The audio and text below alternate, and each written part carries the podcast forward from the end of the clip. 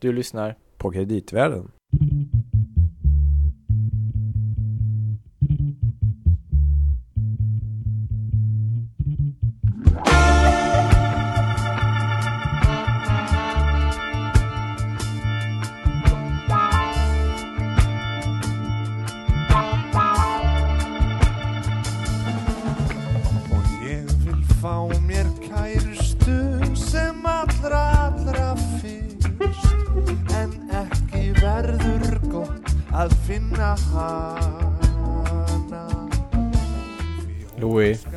Ödesmättat. Ja, det är en annan stämning än det var i början av förra avsnittet. jag tycker att det är trevligt att få höra Värmlandsvisan spelas. Men jag är känner inte vis. riktigt igen dialekten.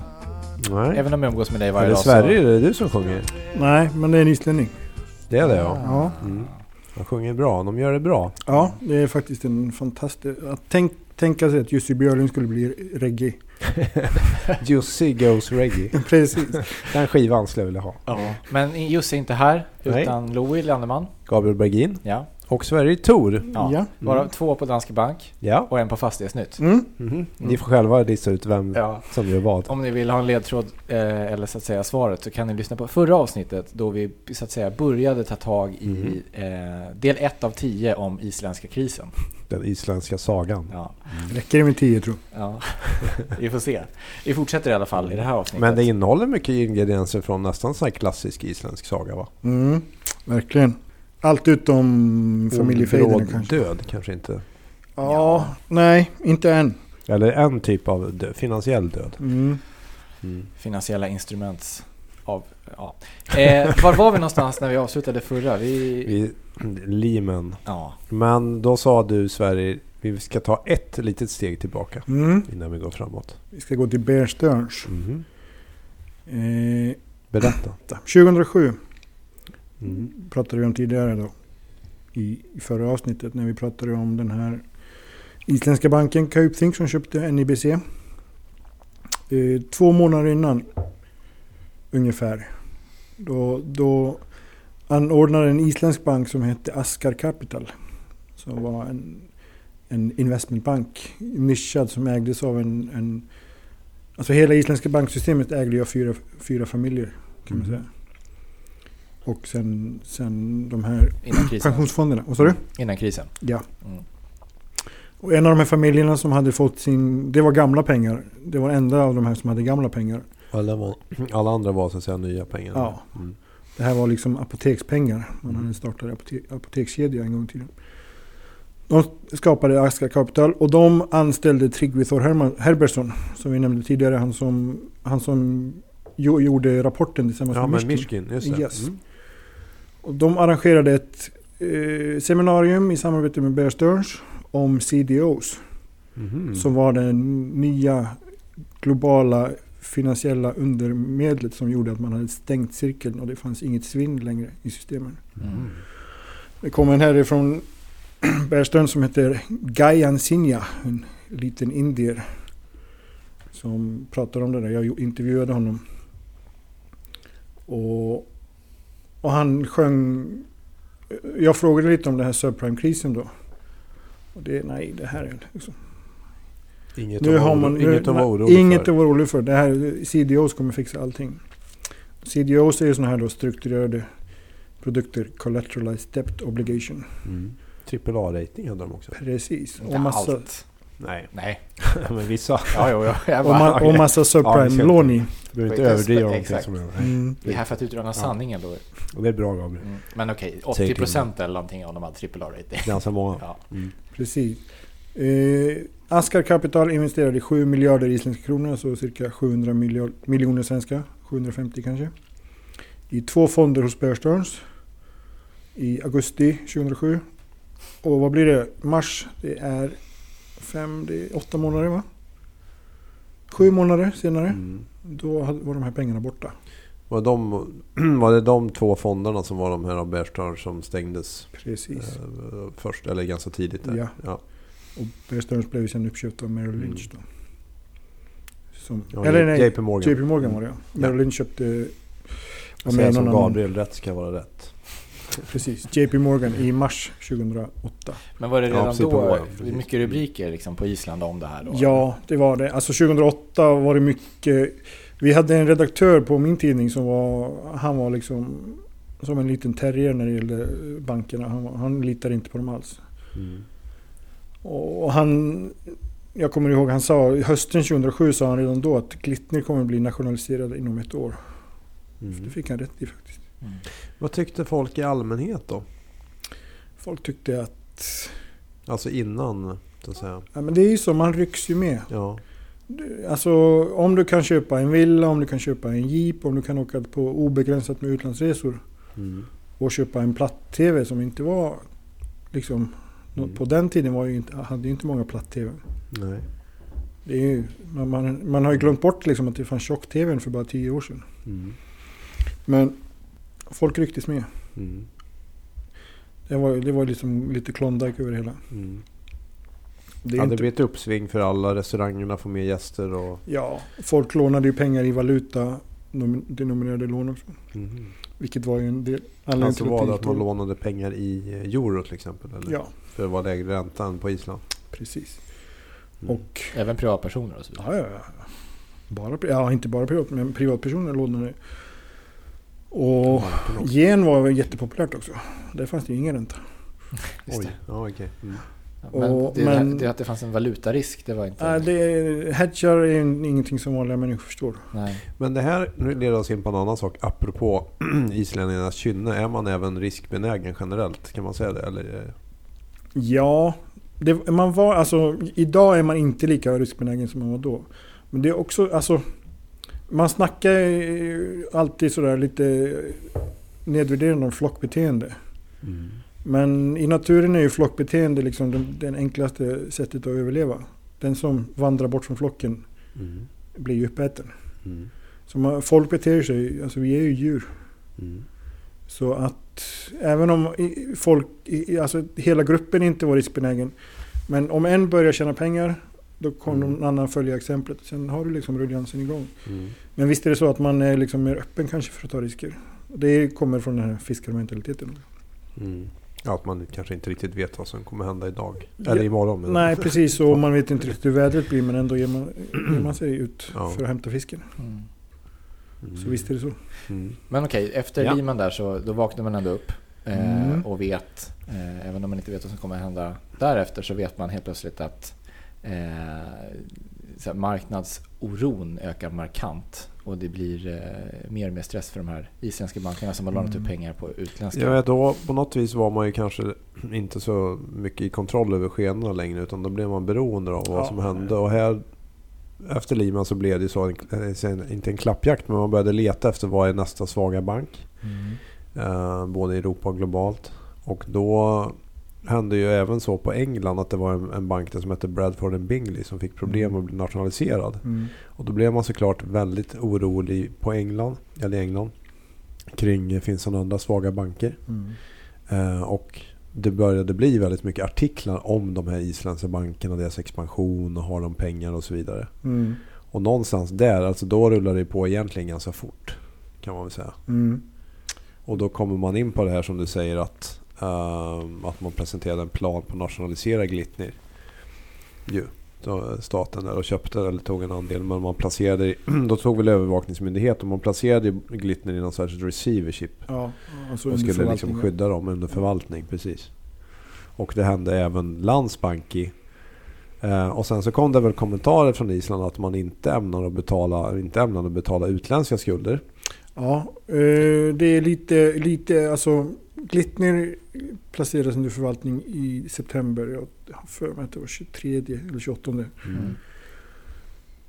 Sen går det ju 10 dagar Mm. och då har ju folk börjat fatta att någonting är på gång. Mm. Och folk har börjat förstå att det blir allt mer desperata liksom, affärer. Mm. Eh, Man har ju snackat om en altan i affären där eh, en katarsk prins köpte eh, aktier i, Kaup- i. Mm. Det var en del som köpte, alltså isländska de här Cengiz-bröderna i England köpte aktier i, också i Kaupthing. Mm. Eh, Landsbanken hade liknande upplägg där man köpte, liksom, köpte upp aktierna. Alltså, Ja. Själv. Mm. Ja, för att höja priset liksom. Mm. Genom, genom bulvaner. Och där, alltså det sitter ju ett, ett antal människor i fängelse för det här nu. Mm. Så 6 oktober kommer den här tal, det här ödesdigra talet från, från statsminister Geir Haarde där han säger. Gud välsigne Island. Okej. Mm. Ja, det var något så här, det kom upp helt plötsligt bara på folks TV. En Ja, svart skärm eller? det kom, kom liksom ett, ett meddelande om att han kommer adressera folket klockan... Ja, det var inte ens på kvällen liksom, det var klockan två mitt på dagen. Mm. Eller något sånt där. Ja. Och då säger han bara att vi är på väg, vi står ju på, på ruinens brant och är på väg nerför. Mm. Och om inte vi tar tag i det här nu så kommer... Då blir det liksom... Så gå hem till era barn och, och liksom krama om dem och säg till dem att allting kommer att bli bra. Och, och, och Då skapar man väldigt mycket förtroende. Precis, och sen garanterade han att, att ingen skulle förlora sina insättningar. Ja, det lät så här va? Mm. Ég vil nota tækifærið og nekja því að innstæðu eigundur hér í bönkunum á Íslandi þurfa ekkert að óttast um sinn hag.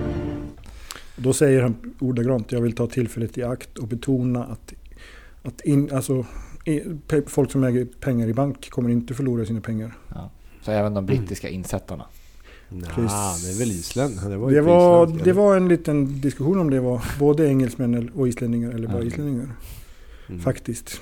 Men britterna i alla fall med stora insättningar i bland annat det här Ice Save, de blir oroliga. Men det är då de tar till den här äh, vad heter den, terrorlagstiftningen i England. Precis. Och Man började med eh, två banker. Man började med Landsbank och Single Finlander. Man fryser bankkontona helt enkelt. Precis. Att det inte ska gå att ta, bort, ta ut pengar från. Ja, så att banken inte skulle kunna ta ut pengar först och Nej, just det. Precis. Att man inte skulle kunna flytta de här pengarna till så stanna i Island. England så Precis, precis. För det här var ju en filial och Mm. Island var ju då betalningsskyldigt.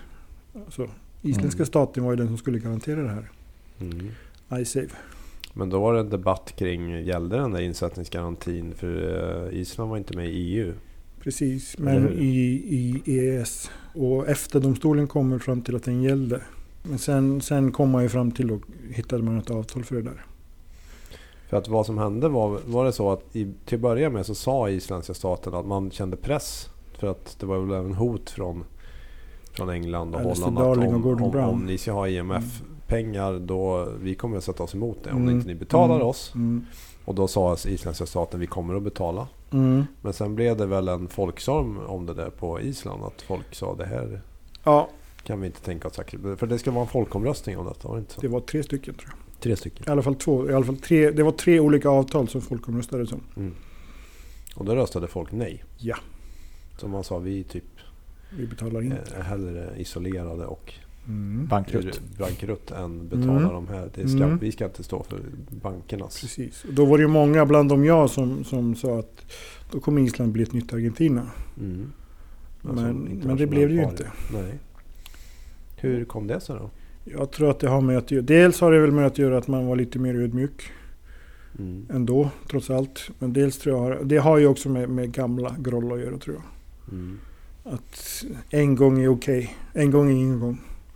Men. Argentina har gjort det här flera gånger. Men man kan säga att det blev en sorts...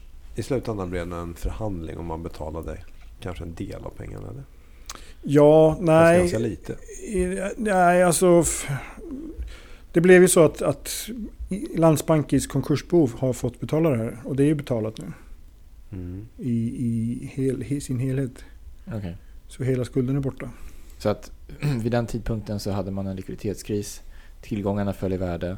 Men sen i Mm. efterhand så har liksom det som fanns kvar använts Alltså, till. Men, men det man gjorde var att man, sty- egentligen, det man, man styckade av bankerna i en utländsk del. Kan man säga, eller man särskilde utländska tillgångar från domestika tillgångar. Så Ja, staten tog över precis. de domestika. Precis. Så att man skyddade isländska sparare kan man Precis. säga. Och de Men andra- de utländska blev, okej det här förhandlar vi separat och det blir nedskrivningar och så Ja, vidare. och Landsbanki till exempel bytte namn till Landsbanken. Alltså banken istället för Okej, bank. okej. Ja. Så Danske banken Mm, skulle kunna vara en liknande variant. Ja, ja, ja. Men, men Och det var det domestika som fanns kvar liksom. ja, precis. Och, och de andra då hette, hette olika konkursbon då. Eller, Mm. Cope blev ju Arion Banki. Just det. Mm. Och, nya. och, och, och Glitnir blev Islandsbanki igen. Mm. Och, Och det var det gamla namnet. ja, så Glitnir idag är ju konkursbot. som är under Ja, förvaltning. kvar, ja. Och där finns alla utländska tillgångar kvar. Precis. Och sen införde man kapital, eh, alltså stopp i kapitalflödena. Precis. Inga pengar ut och inga pengar in Just var det. det faktiskt ett tag. Så man kunde inte handla i kronan längre utan isländsk. Om man hade tillgångar på Island då var de kvar där. Ja, och man, det var ju väldigt många isländska studenter som fick problem med, med som skulle använda sina isländska betalkort och sådär utomlands. Mm. Och turister fick ju, man fick ju liksom visa, man fick ju framvisa eh, biljetter, alltså färdbiljetter för att få, eller resebiljetter för att få köpa valuta. Mm. Så det var ju på den nivån. Mm. Men sen där på hösten då för att liksom när det var som mest akut då hade man, man gjorde de här räddningsaktionerna mot bankerna så man kapitaliserade upp dem domestikt Mm. och tog bort den utländska problemdelen. Mm. Eller Eh, la den i karantän på ett sätt. Ja, och sen så fick man ett stödpaket från IMF och även nordiska staterna gick in med viss, ja vissa pengar så att säga. man Så hade ju, det var ju en febril aktivitet hela... Det var ju även massa diskussioner med Ryssland skulle in med pengar var det en massa Ja, det var, ju, det var ju snack. Det var ju liksom ett sätt att försöka skapa någon form av... Det var en bluff för att försöka skapa någon form av reaktion. Mm. Från Europa. Ja, engelsmännen först och främst. Men de första som lånade pengar till Island var Färöarna som lånade 300 miljoner eller något sånt där. Mhm. Danska kronor. Efter allt. Efter allt. Och det var ju en, en vänskapsgest om Mm. inte annat. Men Mm. Mm. Man fick låna från Polen, man fick låna från, från Norden. Det, Mm. var ju, det pågick ju febril aktivitet där. Mm. Och jag tror att det var många som inte sov någonting från slutet av september till början av november någon gång. Mm. Mm.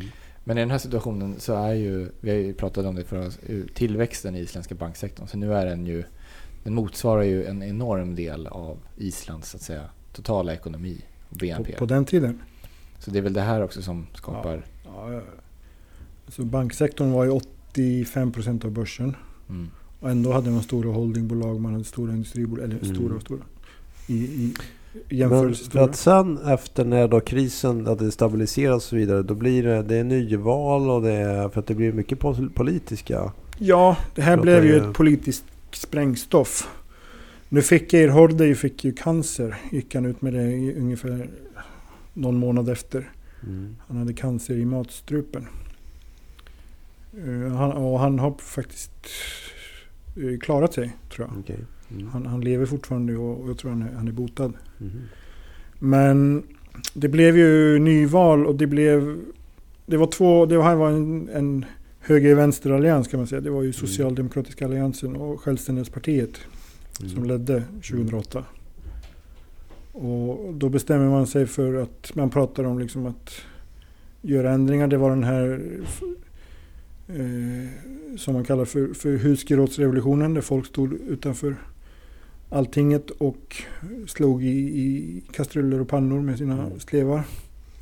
Och gormade inkompet- inkompetent regering vid varje omröstning. Det gick inte att stå inne, i- sitta inne i huset och prata, det lät så mycket. Mm. Polisen fick ta till tårgas första gången på, på Mhm. sen 40-talet. Oj. Och då, då kräver Ingebjörg Solon Gisladottir som var ordförande i Socialdemokratiska alliansen att en, en dam som het, heter jo, Johanna Sigurðardóttir skulle bli statsminister. Det var liksom enda villkoret för att den här regeringen skulle stå. Mm. Och det var i princip ett sätt att säga vi jobbar inte mer. För det, det var den enda personen i hela Island som inte Självständighetspartiet kunde godkänna. Alltså Mm. acceptera. Mm. Så då blev det nyval. Och Sigmund David Gunnlaugsson som var ordförande i här Framstegspartiet, han som blev kändis i förra, förra våren när de här Vintris, när Uppdrag granskning gjorde en, Mm. en, ett avsnitt, en Just det. intervju med honom om, Ja. om tillgångar i, i Tortola. Han sa att vi, vi försvarar en, en minoritetsregering till, fram till valet. Mhm. Och det blev ju då de här partierna som sen vann valet. Mhm. Och satt i fyra år. Det är dem, om man, om man ska vara sådär politiskt lite.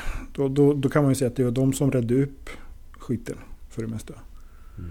Det var de som gjorde de tuffa besparingarna och tog de tuffa besluten. Ja. Och fick ju Men inte... sen har det varit rättegångar mot en del av de här bankcheferna också. Ja, eh, det har det varit. Och de flesta är väl inte, ja, har ju dömts till en, eller två saker liksom.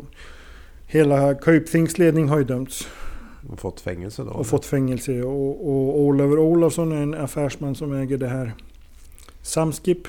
Det ser man ju ofta i Sverige. Mhm. Det är en, ett, rederi. Mm. Eh, han var ju en av storägarna i, i Think och var liksom... Och han sitter i fängelse. Okej. En av, en av bankcheferna på, på Landsbanki sitter i fängelse. Mig. Och, och, och, och de blev dömda för... Ja, för, nu vet jag inte vad det är på svenska, typ, men ja, någon form av liksom brott mot huvudman. Ja, okej. Trolöshet mot huvudman Ja. eller något sånt. Det är, vissa saker är typ såna internlån, alltså man har lånat Ja. pengar till. Precis. Just det. Och det, här var, ju- det fanns ju, och det är det som gjorde kanske, vi pratade om det i förra avsnittet, att det var ju svårt för Finansinspektionen att se. Mm. Och det var svårt för, för ratinginstituten men det fanns ju ett otroligt korsägande. Ja, exakt. Vilket gjorde det väldigt enkelt och, om man Mm, ville så att egentligen var alla bankerna överskred det här äh, koncentrationsrisken med råge. Ja, precis. Man, upp, man Precis. slog ihop de olika så visade det sig att det ofta var samma ägare Mm. bakom många av bolagen som man lånat ut pengar till och sånt, eller hur? Precis. Och jag är ju fortfarande, som jag sa förra gången, att jag, jag är inte så säker på att allt det här var gjort med illvilja. Utan det här var ju desperata räddningsförsök. Mm. Men, men då, då bryter man ju mot lagen, lagen och Mm. då får man ju liksom ta konsekvensen. Mm. Ja, precis. Men nu har det lite grann vänt. Jag tänkte, ska vi lyssna på den här signaturen till en känd tv-serie?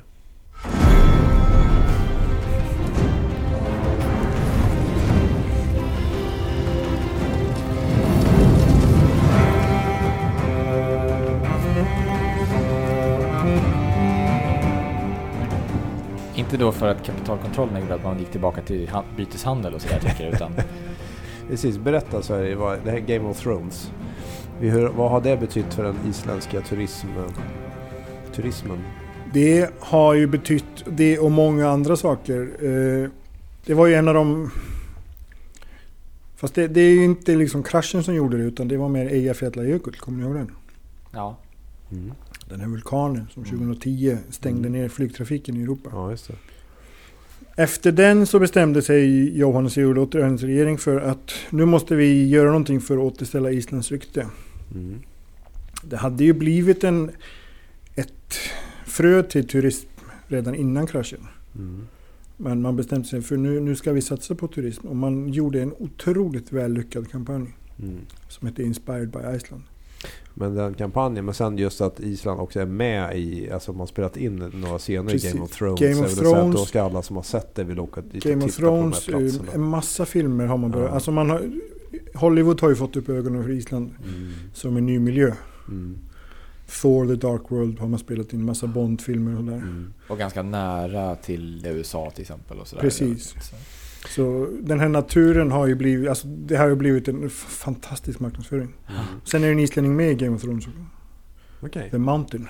Mhm. Han är ju isländsk. Mm. Men alltså då, för att då har liksom här har ekonomin boomat igen. Nu är vi uppe, förra året det var typ 7% tillväxt och sådär. Mm. Fantastiskt. Mm. Eh, vad ska vi tro här? Är, för att man brukar ofta säga så här, Island är ett exempel på hur lyckat det kan bli om man gjorde allting rätt i den här krisen. Om man bankerna fick skriva ner skulderna, om man hade kapitalkontroller och så vidare. Vad håller du med? Kapitalkontrollerna släpptes ju också nu här. Ja, nu. Slutligen. Ja, Håller du med om förutom en, en märklig kapitalkontroll som gör att om du köper obligationer då måste du lägga 40% i pant. Mhm. Så det är ingen som köper obligationer Alltså på Island. på Island. Nej. Alltså utländska aktörer. Ja. Eh, jag tror att om man liksom nu har, håller sig förnuftig Mm.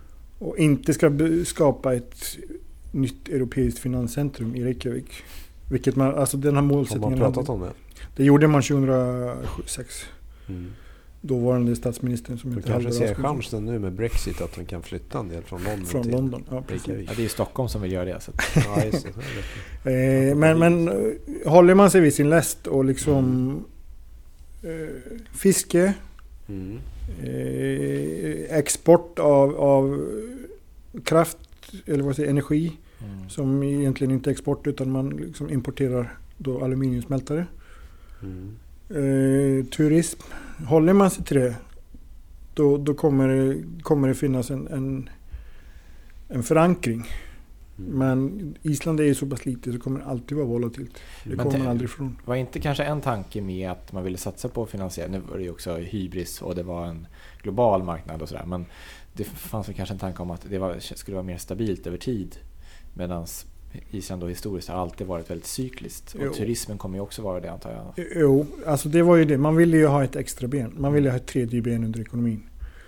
Det har man ju fått nu i form av turism, i form av filminspelningsnering, vad, man, vad den Ja, hette, den industrin. Mm. Men, men cykliskt kommer det alltid att vara.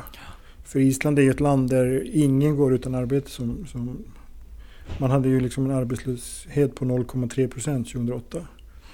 Mm. Det innebär att alla ville jobba och alla de andra också. Alla som ville jobba hade jobb och alla de andra också. Mm. Så, Mm. och, och, alltså, Mm. så ekonomin blir ju liksom... Man spänner ju bågen väldigt högt hela tiden. Vad finns det för lärdomar vi i Sverige kan dra från, du som har då genomlevt en sån här finansiell bubbla som har spruckit? Jag tycker man ska vara väldigt... Man ska ta... Man ska inte avfärda utländska experter som säger att det kan vara bubbla med att säga att det finns inga bubbeltecken. För det är ju som sagt det enda, enda alla bubblor har haft gemensamt är att det inte funnits några bubbeltecken. Mm. Och Mer, än kraft, mer än en kraftig prisstegring. ja, precis. Men liksom att man ska nog lita mer på utländska experter. Mm. För Det det är svårt att ha perspektiv på sig själv liksom. Precis, man ser inte flisan i eget öga. Nej. Det går inte. Normalitet, det är bara en sjukdom som delas av många. Precis, precis. Mm. Nej men, men liksom... Det fanns ju en byggboom på Island. Det, det finns, har väl inte funnits i Sverige men det är ju på gång. Mm. Så där kan det ju finnas en, kan det finnas en risk. Nu pratar vi ju mitt- det jag jobbar med vardagligen här. Mm. Mm. Men, men fastigheter är ju, skulle ju kunna vara en krishärd liksom. Mm. Och det är ju kanske den mest typiska krishärden. Det är få finansiella kriser som inte har något element av fastigheter i, Precis. i sig. Och det fanns ju en del isländska fastighetsinvesterare i Sverige. Mm. Eh, Ja, som var ganska stora där innan det. Ja, Landic Property var ju liksom den största. Mm. De, de köpte ju danska Keops och danska Atlas. Egendom och hade ett fastighetsbestånd på 45 miljarder 2007-2008. Oj, oj. Mm. Det är ju större än Fabege Mm. idag, Ja, verkligen. för att sätta det i perspektiv. Men så slutligen, det måste ha varit efter den här tvisten med England. Det måste ha varit ganska fint med den här vinsten i kvartsfinalen i EM där eller? Eller hur? Det var det. det, var det. Jag, jag gillar ju Roy Hodgson, så jag, Hodgson, så jag blev ju lite sådär... Lite sådär vemodig tyckte jag att han, han fick lite för mycket skit. Men Mm. man, man såg det ju från början, det var ju underskattning alldeles för mycket. Ja. Det var skrivet i, i skyarna att det här skulle hända. Men det var kul. Fan vad kul det var. Jag var på O'Learys i Uppsala och tittade på matchen. Ja. Med en kompis från Ghana Mm. som blev islänning för en kväll. Ja, okej. Ja. kul. Det var nog många göra- som blev islänningar för en säsong. Där. Kunde ni göra Ja. vulkanen där på? Ja, det, hade, vi, det var ju några islänningar så vi gjorde väl den ungefär. Ja. En minivulkan. Mm. Jag tycker vi ska avsluta det här med vulkanen Gabriel. Vad säger du? Mm. Det tycker jag också. Styrkebesked. Mm. Det tycker jag. Och Island kommer att komma igen. Ja, det verkar så. Ja, De kommer ju komma till Stockholm också kanske. Jag säga. De isländska bankerna verkar ju vara på väg ryktas de. Så att, eh, Mm. absolut. mm. Så är det. Men så länge de håller sig till Island, men kanske kan låna lite i Sverige så, så går det bra. Alltså, håll, så länge de inte ska erövra världen. Mm. Och så länge, så länge de inte i sin naivitet tror att marknaden är snäll. Mm. För det är den bara om den, om den gillar vad den ser. Mm. Sen är den väldigt grum när det börjar- börjar bli. Mm. När det börjar se dåligt ut. Mm. Den hugger ju den svagaste först. Ja. Otroligt intressant Sverige. Vi tänkte väl att det skulle bli det. Ja, eller hur? Vi är väldigt att glada här. att du kom hit. Tack för att jag fick komma. Vem vet, en vacker dag kanske vi återkommer. Prata mer om Island Gabriel. Mm. Åka Eller? till Island och spela in ett avsnitt där. Ja, Ja, det vore en något. en geyser. Men inte private jet. Nej. Jag vill åka tåg. Det blir ju svårt.